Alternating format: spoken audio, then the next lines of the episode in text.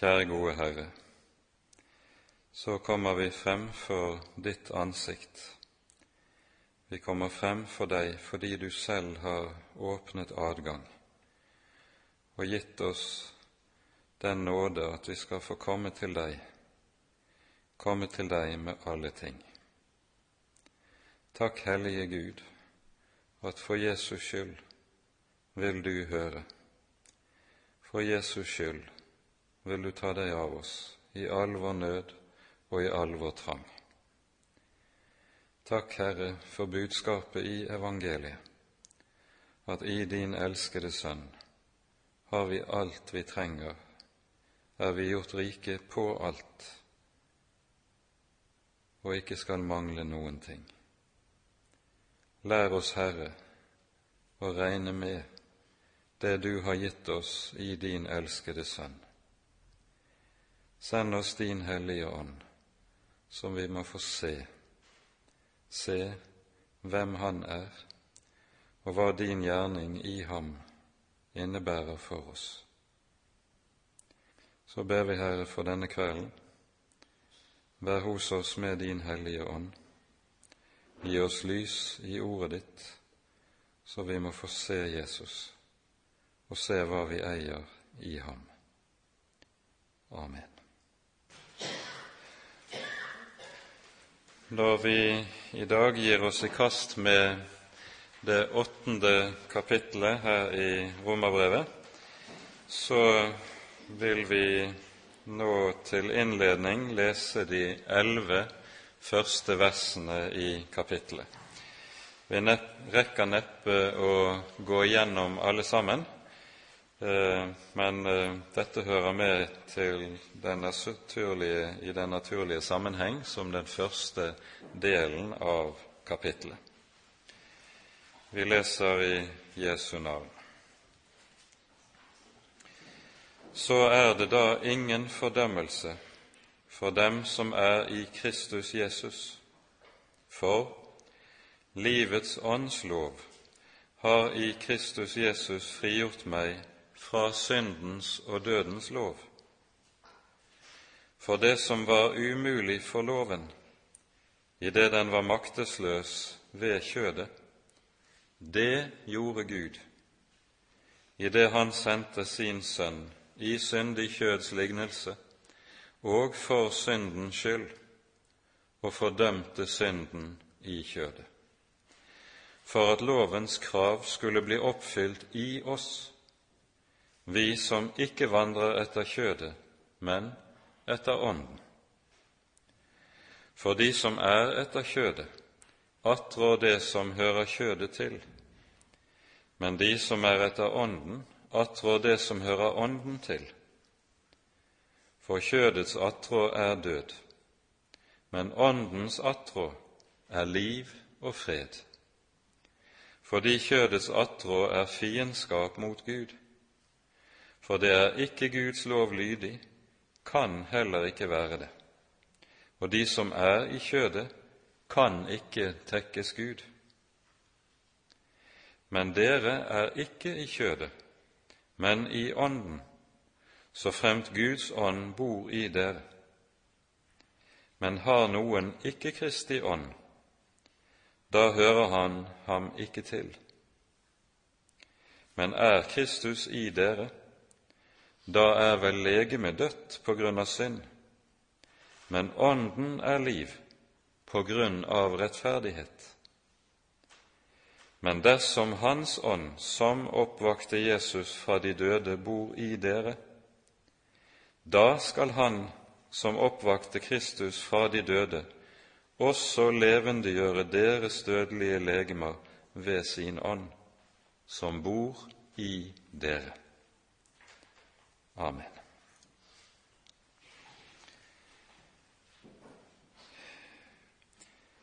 Når vi nå går inn i dette avsnittet, så ser vi at dette begynner med ordene 'så er det da'.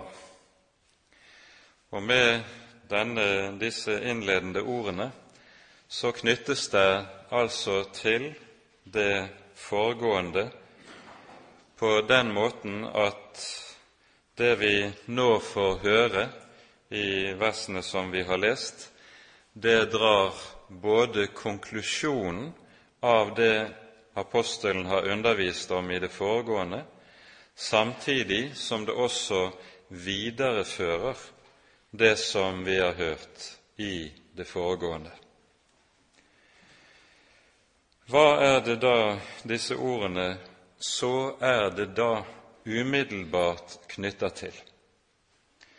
For det første gir det seg at det vi her hører, det er konklusjonen på alt apostelen har undervist om like fra kapittel 3, vers 20 av, der han begynner å undervise om frelsen i Kristus. Der han underviser om evangeliet og hva vi eier i og med evangeliet.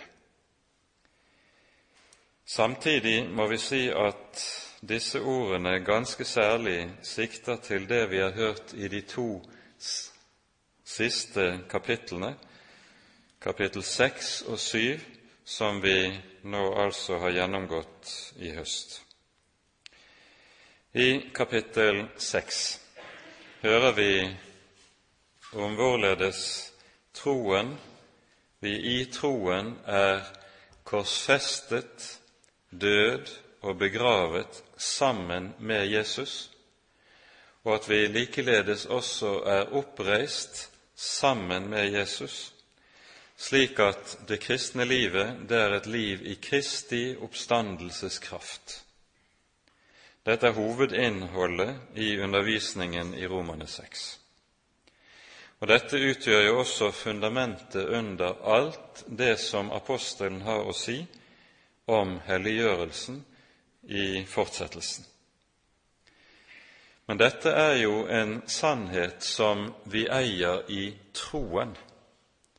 Her taler apostelen om noe som vi ikke kan se med våre ytre øyne. Det er noe som ikke er en erfaringssannhet, noe vi kan oppleve men det er en sannhet som forkynnes oss ut fra Guds ord, nemlig at vi er forenet med Kristus i hans død og i hans oppstandelse. Det er et budskap Gud forkynner for oss, at Han selv har forent oss med sin Sønn på dette vis. Men vi kan ikke føle det, vi kan ikke erfare det, men Guds ord forkynner det altså for oss. Når vi så kommer til kapittel syv, så taler apostelen ganske særlig fra vers 14 av og utover om det som en kristen erfarer, det som en kristen opplever. Og det er jo tilsynelatende en himmelvid avstand, en himmelvid forskjell på den sannhet vi møter i kapittel 6, og den vi møter i kapittel 7. Et avsnitt som munner ut i ordene 'Jeg elendige menneske'. Hvem skal fri meg fra dette dødens legeme? Det gode som jeg vil, det gjør jeg ikke, men det onde som jeg ikke vil, det gjør jeg. Her taler apostelen i nåtidsform, i presens, og han taler altså om seg selv og sin egen erfaring som en troende. Og dette er enhver troendes erfaring, så sant han ser sant på seg selv.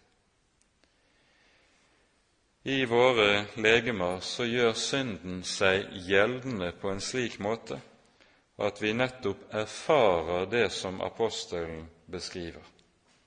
Det onde som jeg ikke vil, det gjør jeg. På ny og på ny snubler og faller jeg, mens det gode som jeg vil, det gjør jeg ikke. Unnlatelsessyndene våre er ofte langt flere og kanskje langt alvorligere enn de faktiske gjerningssyndene Og så står de overfor hverandre, disse to. På den ene siden den troens sannhet som forkynnes oss i Romane 6, og på den andre siden den kristne erfaring som vi får høre om i Romane 7. Og hele poenget er at disse to står ved siden av hverandre og må stå ved siden av hverandre. Det er i denne dobbelthet en kristen lever. Det er i dette spenningsfeltet helliggjørelsen, helliggjørelsens liv utspinner seg. Og så munner dette avsnittet altså ut med, som vi hører i vers 24 og 25, Jeg elendige menneske, hvem skal fri meg fra dette dødens legeme? Gud være takk ved Jesus Kristus, vår Herre. Så tjener jeg da Guds lov med mitt sinn, men syndens lov med mitt kjød. Så er det da ingen fordømmelse. Merk sammenhengen. Denne kapittelinndelingen som vi finner i våre bibler, den var jo ikke der opprinnelig. Den er noe som kom til for en knappe tusen år tilbake. I høymiddelalderen begynte man å inndele bibelteksten i kapitler. Og versinndelingen av Bibelen kom først like forut for reformasjonen. Dette gjør at vi av og til går glipp av sammen, viktige sammenhenger i bibelteksten hvis vi ikke er oppmerksom på dette. Men legg nå altså merke til denne sammenhengen. Gud være takk ved Jesus Kristus, vår Herre. Selv om jeg altså opplever og erfarer det som jeg gjør og ser og leser i Romane 7, så er jeg fri ved Jesus Kristus, min Herre. Og da er det det kan lyde så er det da ingen fordømmelse for den som er i Kristus Jesus. Det betyr helt konkret at den som er i Jesus, for ham gjelder det at det ikke er noen lov som kan fordømme ham. Det er ikke noen synd som kan fordømme ham. Det er ingen makt i himmel eller på jord som kan fordømme ham. Han er fri fra fordømmelsen både her i livet og i evigheten når vi skal møte Gud på dommens dag. Det er bokstavelig talt ingen fordømmelse. Paulus kommer tilbake til dette litt lenger ute i kapittelet, der vi leser fra vers 32 slik:" Han som ikke sparte sin egen sønn, men ga ham for oss alle, hvorledes skulle han kunne annet enn å gi oss alle ting med ham? Hvem vil anklage Guds utvalgte? Gud er den som rettferdiggjør. Hvem er den som fordømmer? Kristus er den som er død, ja, hva mer er, også er oppstanden, som også er ved Guds høyre hånd, og som også går i forbønn for oss. Det er ingen fordømmelse for den som er i Kristus Jesus. Og Dette skal vi merke oss. Dette står like fast uavhengig av hvordan du måtte føle og kjenne det. For dette er jo nettopp noe som en kristen ofte kan komme til å streve og kjempe med når han står oppe i anfektelsen. Da fordømmer mitt eget hjerte meg. De erfaringene som jeg gjør, og som er i tråd med Romane syv, kan meget lett komme til å føre en kristen nettopp inn i den stilling at hans eget hjerte fordømmer ham. Han vet at han har ingen unnskyldning. Jeg vet at jeg har intet forsvar for det jeg har gjort, for slik jeg har falt. Jeg visste det var galt, og likevel gjorde jeg det. Synden er slik. Og så fordømmer hjertet mitt meg. Og det kan føre en kristen inn i den største nød, at han nettopp opplever noe av dette, denne dommen, i sitt eget hjerte. Da skal vi vite og ta til oss dette som står her, så er det da ingen fordømmelse for den som er i Kristus Jesus. Dette bygger nemlig på en bestemt grunn. Og vi skal lese to vers fra Kolossabrevet, det annet kapittel i denne sammenheng. Vi slår opp i Kolossene 2.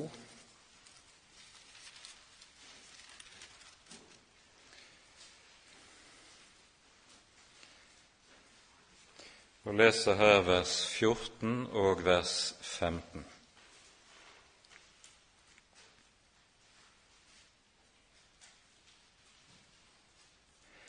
Han utslettet skyldbrevet mot oss, som var skrevet med bud, det som gikk oss imot.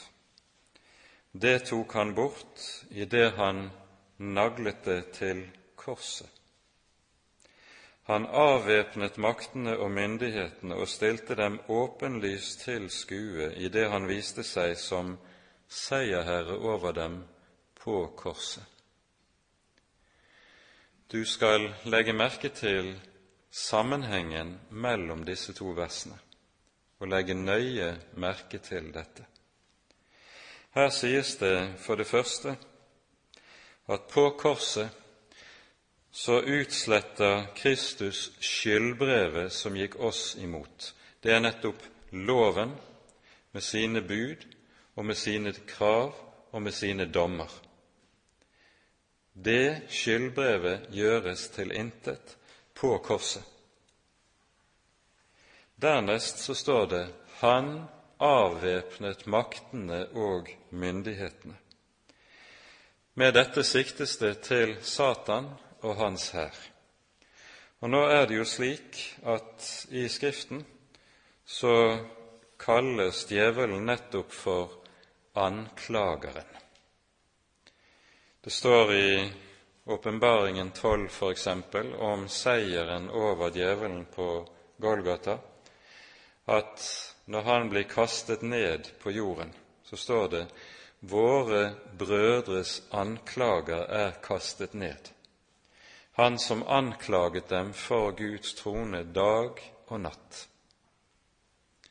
For hva er det djevelen gjør? Djevelen, når han anklager oss, så tar han nettopp loven i sin hånd. Og så kommer han til meg og sier og forteller meg så og så har du gjort. Det sømmer seg ikke for en kristen. Og til det må jeg jo si ja, det er helt sant. Men så skal jeg også få lov til å si dette som du kommer og anklager meg for, det har du imidlertid kommet til gal adresse med.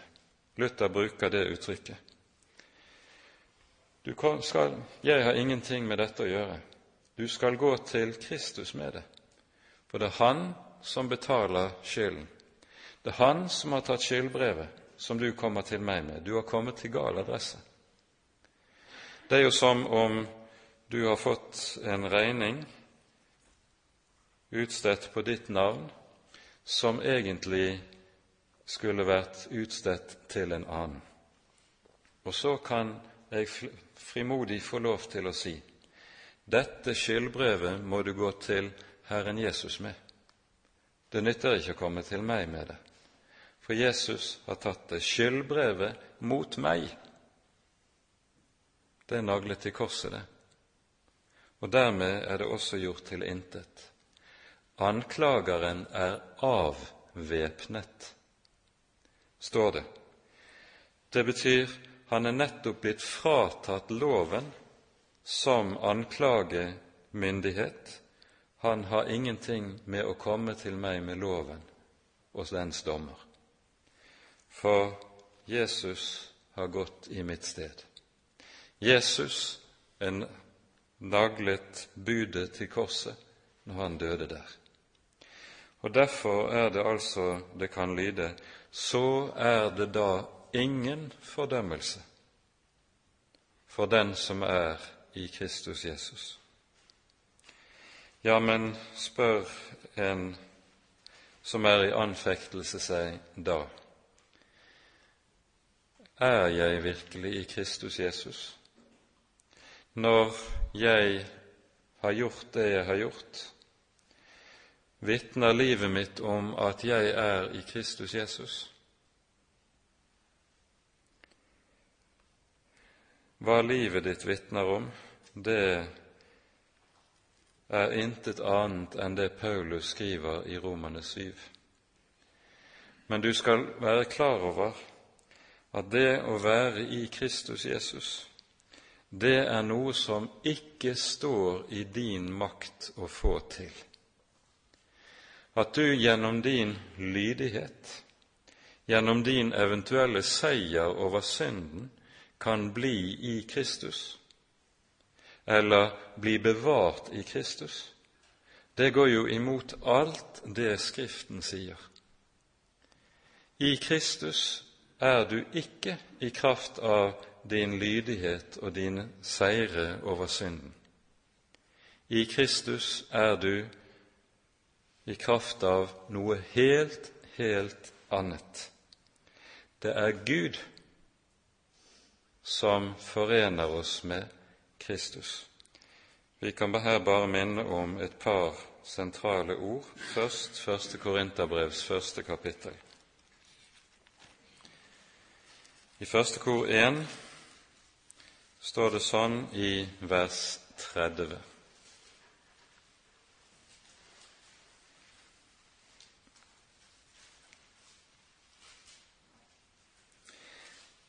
Av ham, dvs. Si av Gud, er dere i Kristus Jesus, som er blitt oss visdom fra Gud, rettferdighet, helliggjørelse og forløsning. Dette er altså noe som du og jeg ikke kan få til av oss selv. Det er Gud som foretar denne omplassering, at Han plasserer deg i Kristus. Vi skal se litt nærmere på hvordan det skjer, men før, før vi gjør det, så må vi understreke at dette uttrykket som vi her møter, her i Romane 8.1, det er et helt sentralt uttrykk når apostelen skal beskrive det kristne livet. Det å være en kristen, det er nettopp å være i Kristus. Det er et hoveduttrykk som anvendes for å beskrive kristenstanden.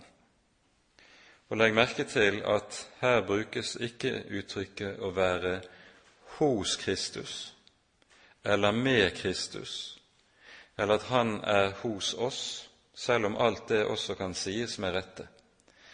Men selve hoveduttrykket for å beskrive hva det er å være en kristen, det er nettopp å være i Kristus. I Galaterbrevet 3 så bruker Paulus et annet uttrykk for å beskrive dette. Dere har ikledd dere Kristus, så mange som er døpt til ham. Det er altså så å si som å være ikledd et klesplagg jeg er i ham, og dermed også skjult av og dekket av ham. I Johannesevangeliets sjette kapittel så hører vi at Jesus også anvender dette uttrykk med tanke på det som har med nadværen å gjøre. Den som eter mitt legeme og drikker mitt blod, han blir i meg, og jeg i ham. Han blir i meg, og jeg i ham. Nå er dette riktignok ikke talt direkte om nadværen, slik det står i Johannes 6. Det er talt om forholdet til forsoningen og troen på forsoningen for nadværen var jo enda ikke innstiftet. Men det kan med full rett anvendes på nadværen og om den hellige nadvær. Dernest må vi også minne om det som sies oss i Efeserbrevets første kapittel om disse tingene.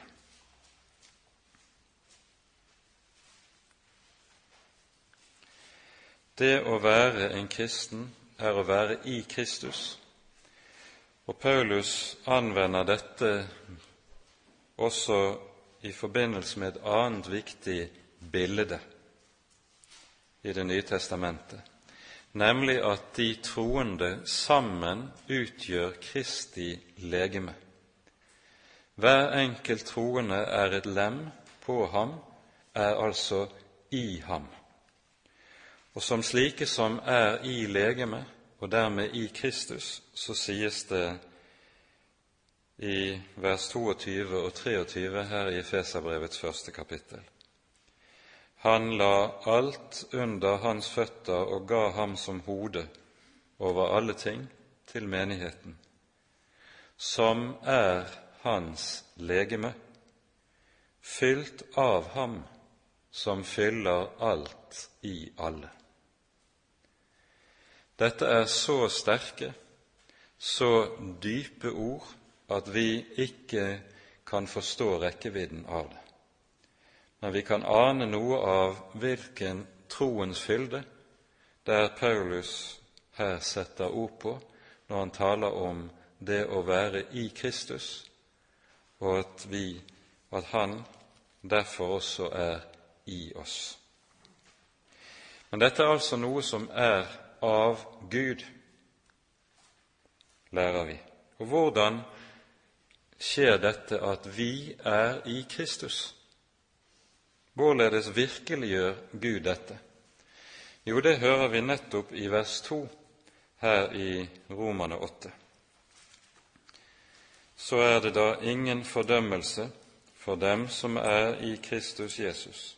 For livets ånds lov har i Kristus Jesus frigjort meg fra syndens og dødens lov. Legg merke til at her står det 'for'. Det er altså noe som begrunner det vi har hørt i det første verset, hvorfor det ikke er noen fordømmelse, og det begrunner også hvorledes et kristent menneske kommer til å være i Kristus, hvorledes det går til.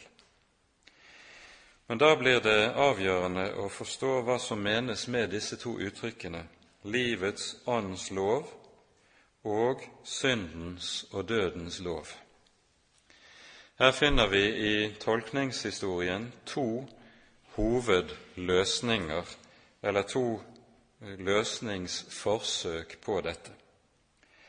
Det ene løsningsforsøket forstår disse uttrykkene slik at her taler apostelen om det vi leser om i det syvende kapittel i Romerbrevet, nemlig at syndens og dødens lov, det er den lov vi opplever i våre egne hjerter, eh, nemlig den lovmessighet som består i at jeg, når det gjelder min syndige natur er underlagt syndens herredømme og derfor også undergitt dødens herredømme.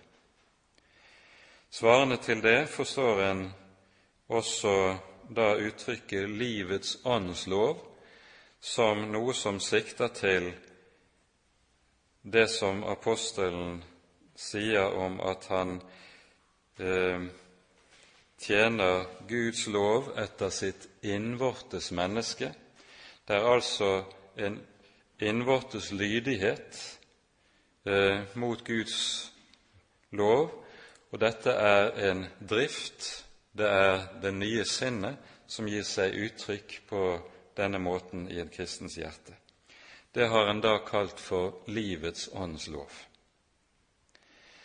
Men da må vi stille spørsmålet svarer en slik forståelse til apostelens tankegang for øvrig i romerbrevet, og ikke minst til hans forkynnelse i Roma, av evangeliet her i brevet. Er det slik at noe som er i mitt eget hjerte, kan frigjøre meg? Og Da stiller vi spørsmålet slik. Da forstår vi med en gang tydelig også hva svaret er. En slik forståelse svarer ikke til apostelens forkynnelse av evangeliet i romerbrevet. Hele poenget er jo nettopp at den frigjøring du og jeg får del i, ikke hviler på noe som skjer i våre egne hjerter, men på noe som skjer utenfor oss og uavhengig av oss, noe som Gud fullbyrder i sin Sønn. Det innebærer at med disse to uttrykkene må apostelen tenke på noe ganske annet, nemlig det som er den store hovedforskjell, nemlig forskjellen på loven og evangeliet, som han har undervist om tidligere i brevet. Livets ånds lov er et uttrykk som rett og slett betegner evangeliet. Det er et særegent uttrykk for evangeliet, men syndens og dødens lov betegner loven etter dens virkning. Loven kalles syndens og dødens lov fordi vi, som vi har hørt det tidligere i Romerbrevet, så hører loven uløselig sammen med synden og syndens herredømme her i verden. Syndens kraft er loven, skriver apostelen i 1. Korinterbrev 15, som vi har vært inne på ved flere anledninger. Og der synden hersker, der loven hersker, der vil også døden komme til å herske. Når evangeliet kalles livets ånds lov, så henger det sammen med flere andre vers som vi kan peke på i Det nye testamentet. Først og fremst må vi her minne om det vi leser i vers 6 i Romerbrevets syvende kapittel, eh, et vers som blir nærmere utlagt og utdypet i 2. Korinterbrevs tredje kapittel. Det rekker vi ikke å gå nærmere inn på i dag, men jeg gjør bare oppmerksom på det. Her sies det nå er vi løst fra loven, idet vi er død fra det vi var fanget under, så vi tjener i Åndens nye vesen og ikke i bokstavens gamle vesen. Her er det slik, det ser vi meget tydelig i 2. Korinterbrev 3, at Ånden og bokstaven det er benevnelser nettopp på evangeliet og på loven. Bokstaven og loven har fordømmelsens tjeneste, mens Ånden i evangeliet har livets, den livgivende tjeneste. Ånden brukes her som benevnelse på evangeliet av en bestemt grunn, nemlig at evangeliet kan ikke verken forstås eller tas imot eller gripes uten Den hellige ånds gjerning. Der Den hellige ånd ikke er til stede, der gis der intet evangelium. Dette henger jo sammen med at evangeliet, slik Skriften lærer oss det, er en hemmelighet. Evangeliet er det som ikke oppkom i noe menneskes hjerte. Det er ikke noe øye har sett eller noe øre har hørt, men som Gud har beredt for dem som frykter ham. Evangeliet kan derfor aldri forklares med kloke ord eller fine pedagogiske grep. Evangeliet er slik etter sin egenart at det må åpenbares ved Den hellige ånd for hjertet. Det er derfor Jesus taler om, når han taler om Åndens komme, i Johannesevangeliet i det 14., og 15. og 16. kapittelet, så tales det om at når talsmannen kommer, så skal han herliggjøre Jesus. Det er altså at han skal herliggjøre evangeliet. Gjennom denne herliggjørelsen av Kristus som Den hellige ånd har som sin fremste gjerning, slik virkeliggjør den det som er evangeliets hensikt, den gir liv. Livets ånds lov har i Kristus Jesus frigjort meg fra syndens og dødens lov. Evangeliet har frigjort meg fra loven. Og Når det sies at det er dette evangelium som virker denne frigjøring, så er det fordi, som Paulus skriver i Romerbrevets innledning, evangeliet er en Guds kraft til frelse. Kraften til frelse ligger ikke i våre hjerter, i våre egne liv. Du blir satt i Kristus gjennom å høre evangeliet, ikke gjennom å handle etter loven, gjennom å forsøke å være lydig, gjennom å arbeide på ditt eget hjerte. Slik kommer du aldri til å bli i Kristus. Men Gud gjør en gjerning med deg når du lytter til budskapet om Jesus, forsoningen som Han har fullbyrdet, frelsen som Han har gjort ferdig for syndere. Gud har lagt ned en kraft i det budskapet som frigjør. Og så kan du vite, når du lytter til evangeliet om Jesus, og vet med deg selv jeg har ikke noe annet å leve på jeg har ikke noe annet å håpe på. Jeg har ikke noe annet å bygge på. Da kan du vite du er i Kristus Jesus. På grunn av det du hører, ikke på grunn av det du gjør. Dette sitter langt inne hos oss, at vi stadig tenker og ønsker å gjøre frelsen kristenstanden avhengig av noe i oss selv. Men evangeliet fører oss på ny og på ny tilbake til dette. Det er ikke deg, det er ikke din innsats, din fromhet, dine forsøk på å få til å være kristen, som gjør at du er i Kristus, men det er ordet i evangeliet om Jesus. Hør, så skal du leve. Det er hemmeligheten. Hør, så skal du leve. Det på denne måten å være avhengig av å høre,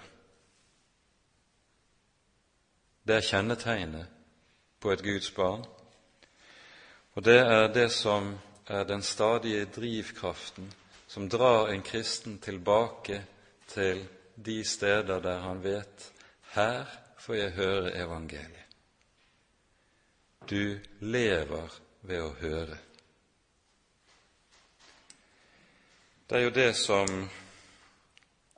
legges frem for oss i det neste verset. På ny lyder det et for. For det som var umulig for loven, fordi den var maktesløs på grunn av kjødet, det gjorde Gud. Det gjorde Gud. Tenk det. Hvilken uendelig gave å vite nettopp dette som var over evne for oss på grunn av vår natur, på grunn av at vi er de vi er, så gjør i stedet Gud det. Så hører vi hvorledes Gud gjør dette. Idet Han sendte sin Sønn i syndig kjøds lignelse, og for syndens skyld, og fordømte synden i kjødet. Her skal du legge merke til betydningen av disse uttrykkene som apostelen anvender. For det første, når det sies 'i det han sendte sin sønn', det står det egentlig i grunnteksten 'han sendte sin egen sønn' i syndig kjødslignelse. Det er et vitnesbyrd i dette, legg merke til det fra tekstsammenhengen om treenigheten. Her hører vi hvorledes den treenige Gud samvirker i frelsen. Faderen sender Sønnen, og sammen sender de to Ånden for å levendegjøre og bevare i Sønnen. Han sendte sin egen sønn i syndig kjøds lignelse. Vi legger her merke til at for det første sies det ikke at han sendte sin sønn i syndig kjød, men han føyer til i syndig kjøds lignelse. Jesus var som oss når det gjelder sin menneskelige natur, med ett unntak. Han var født uten synd. Og nettopp som den som var født uten synd, noe som innebærer at han var som menneske slik Adam var før fallet. Det gjør at han i et par steder i Skriften kalles for det annet menneske. Han kalles også for den siste Adam, men legg merke til han kalles for det annet menneske. For han var født i syndig kjøds lignelse. Han var altså som deg og meg, men uten arvesynden i sitt hjerte, slik du og jeg er født med den. Vi er kjød født av kjød. Jesus er født uten synd, og som den syndfrie er det han fullbyrder frelsen for oss. Her kan vi godt være oppmerksom på det har dukket opp retninger i kristenheten som lærer at Jesus var født i syndig kjød. F.eks. for eksempel denne retningen som ikke er svært godt kjent, Smiths venner, de lærer det. De lærer at Jesus var født med arvesynd, akkurat som vi er det, men at forskjellen på Jesus og oss er at han ved sin lydighet etter loven overvant arvesynden i sitt eget hjerte. Og slik blir han det fullkomne forbildet som vi skal strekke oss etter, på samme måte kan vi nemlig, i hvert fall i teorien, overvinne synden i vårt eget hjerte. Vi forstår at en slik lære om Kristi person, som gjør ham til et rent forbilde, det gjør også frelsen til en ren gjerningsrettferdighet, der alt er avhengig av deg og meg. Og så slår en bena under det som sies her i vers 3, der det sies så uttrykkelig det gjorde Gud, ikke vi. Ikke vi. For det andre så skal vi merke oss at det står når det står at han ble sendt for syndens skyld, så er jo det et uttrykk som, når vi forstår det umiddelbart, eh, kan vise tilbake til slike ord som Jesus sa ved flere anledninger under sitt jordeliv. Menneskesønnen er kommet for å søke og frelse det som er fortapt. Det er ikke de friske som trenger lege, men de som har ondt. Jeg er ikke kommet for å kalle rettferdige, men syndere, at de skal bli frelst. Slik kom Jesus for syndens skyld. Men det uttrykket som Paulus her anvender, det er antagelig det som vi kaller for en hebraisme. Det vil si at han med gresk språk sier noe som eh, egentlig uttrykkes på, fra hebraisk. Og i hebraisk så er uttrykket her noe som viser tilbake til offerlovgivningen i Tredje Mosebok, der det er tale om syndofferet. Dette uttrykket 'for syndens skyld', som vi finner i vår greske tekst, var jo en oversettelse av Det gamle testamentet på gresk som var i omløp på apostlenes tid. Den het Septuaginta. Her møter vi dette uttrykket i Det gamle testamentet, og der er det nettopp tale om syndofrene. Han kom for å være et syndoffer blir da betydningen av dette. Og Da må vi vise til et annet avsnitt som er helt grunnleggende i denne sammenheng, og det er 2. Korinterbrevs femte kapittel.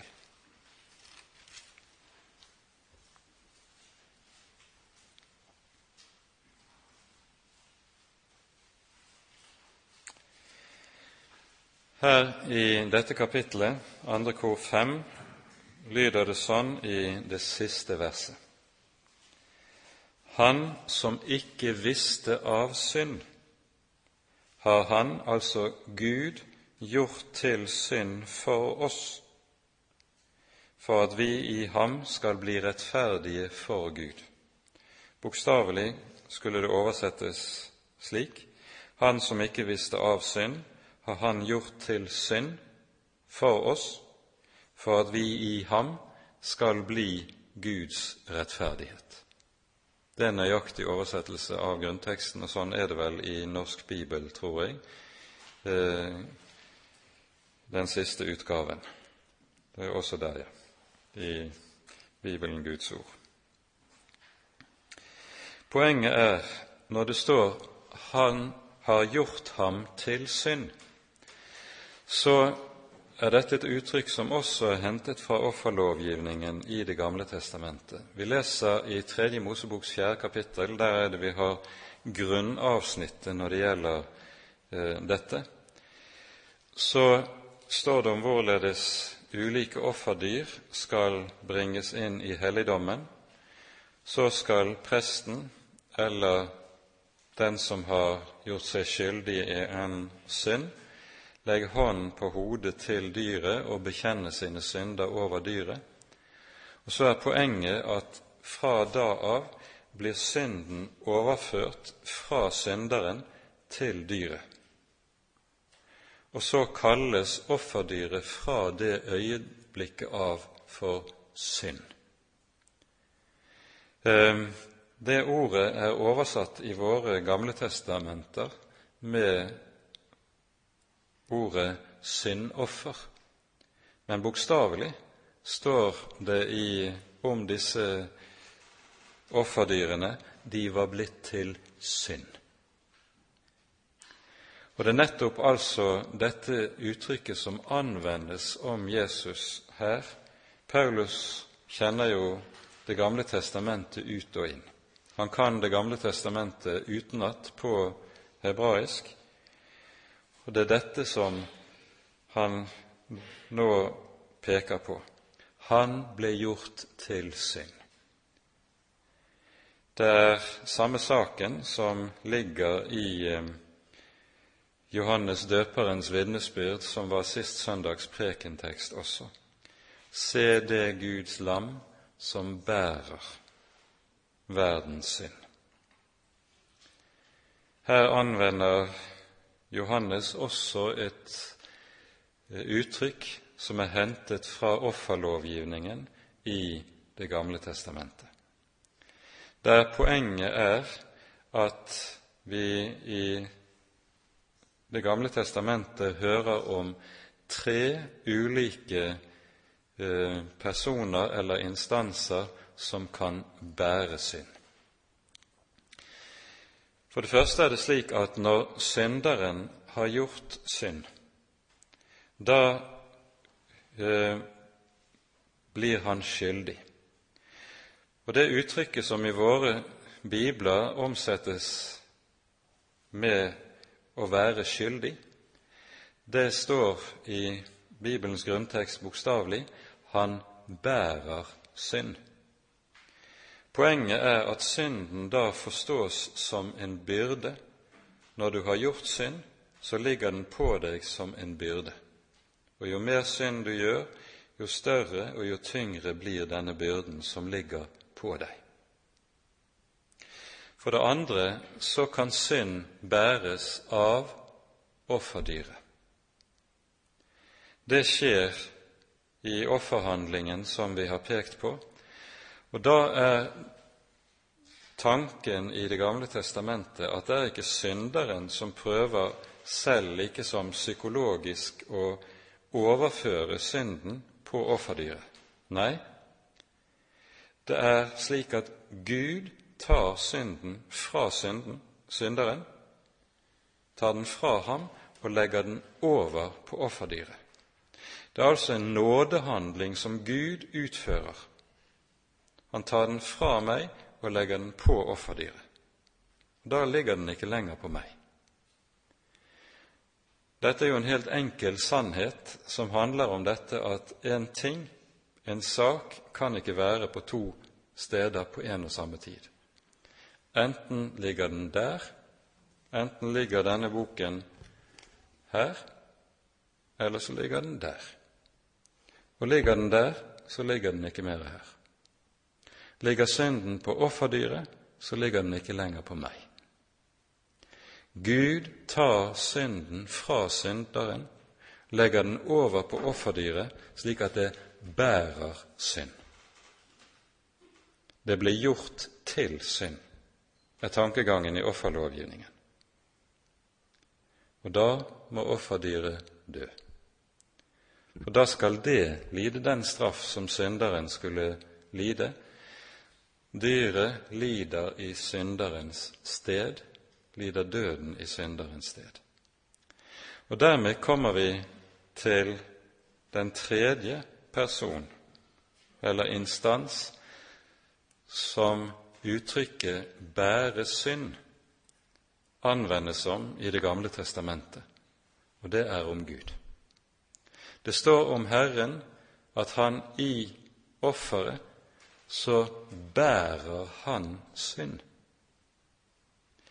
Når det uttrykket anvendes i Bibelens grunntekst, så oversettes det i våre bibler med at han tilgir synd, eller forlater synd. Og Da skjønner vi at dette uttrykket i, fra Johannes' vitnesbyrd Se Guds lam som bærer verdens synd. Her samles alle disse tre instansene i én og samme person. Han er lammet som bærer synd, offerlammet. Han er gjort til synd, dvs. Si all, alle synderes synd er samlet i ham.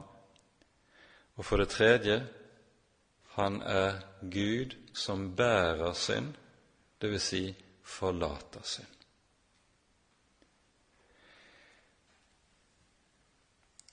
I ordene i 2. Korinterbrev 5 så står det fra vers 18 slik.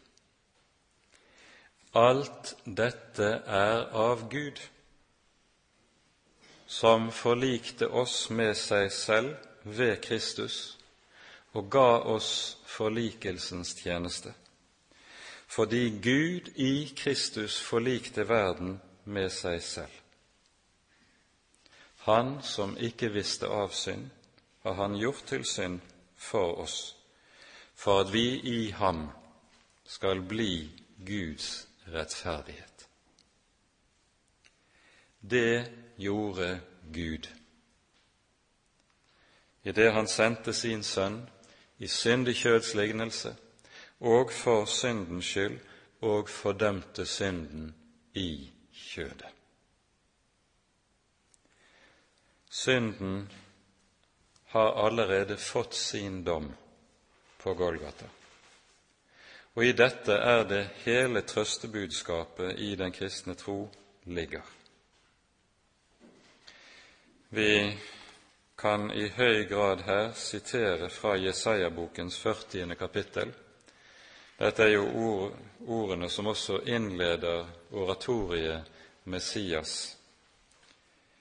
Trøst, trøst mitt folk, sier deres Gud.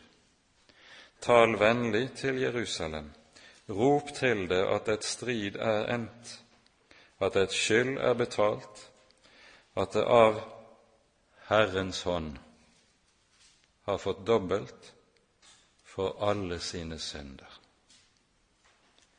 Det står ikke 'striden skal bli endt'.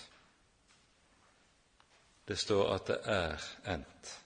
Det er betalt. Det er oppgjort. Og dermed frafalles alle krav på deg og meg. Loven har ikke lenger noe krav. Du er fri. For Jesus har oppfylt alt i ditt og mitt sted. Når det står, som vi her leser i Jesaja 40, at de av Herrens hånd har fått dobbelt, så sikter uttrykket dobbelt til eh, straffelovgivningen i Andre Mosebok. Det handler om at dersom en person f.eks. avsløres som en som har stjålet et dyr Han har stjålet en sau fra nabo, nabogården, og så blir han avslørt.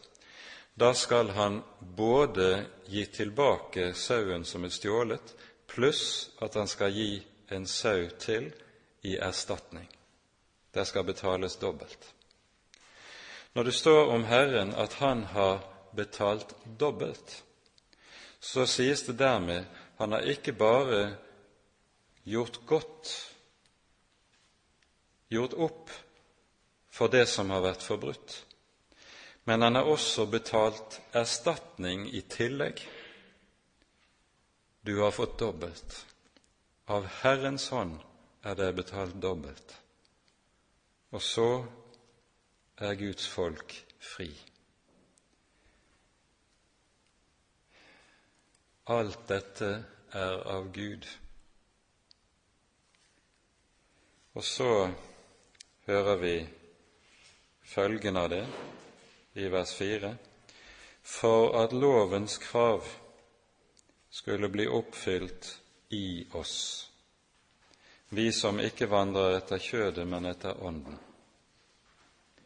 Legg merke til at det sies ikke lovens krav skulle bli oppfylt av oss. Nei, for det kan den ikke bli. Men lovens krav skal bli oppfylt i oss.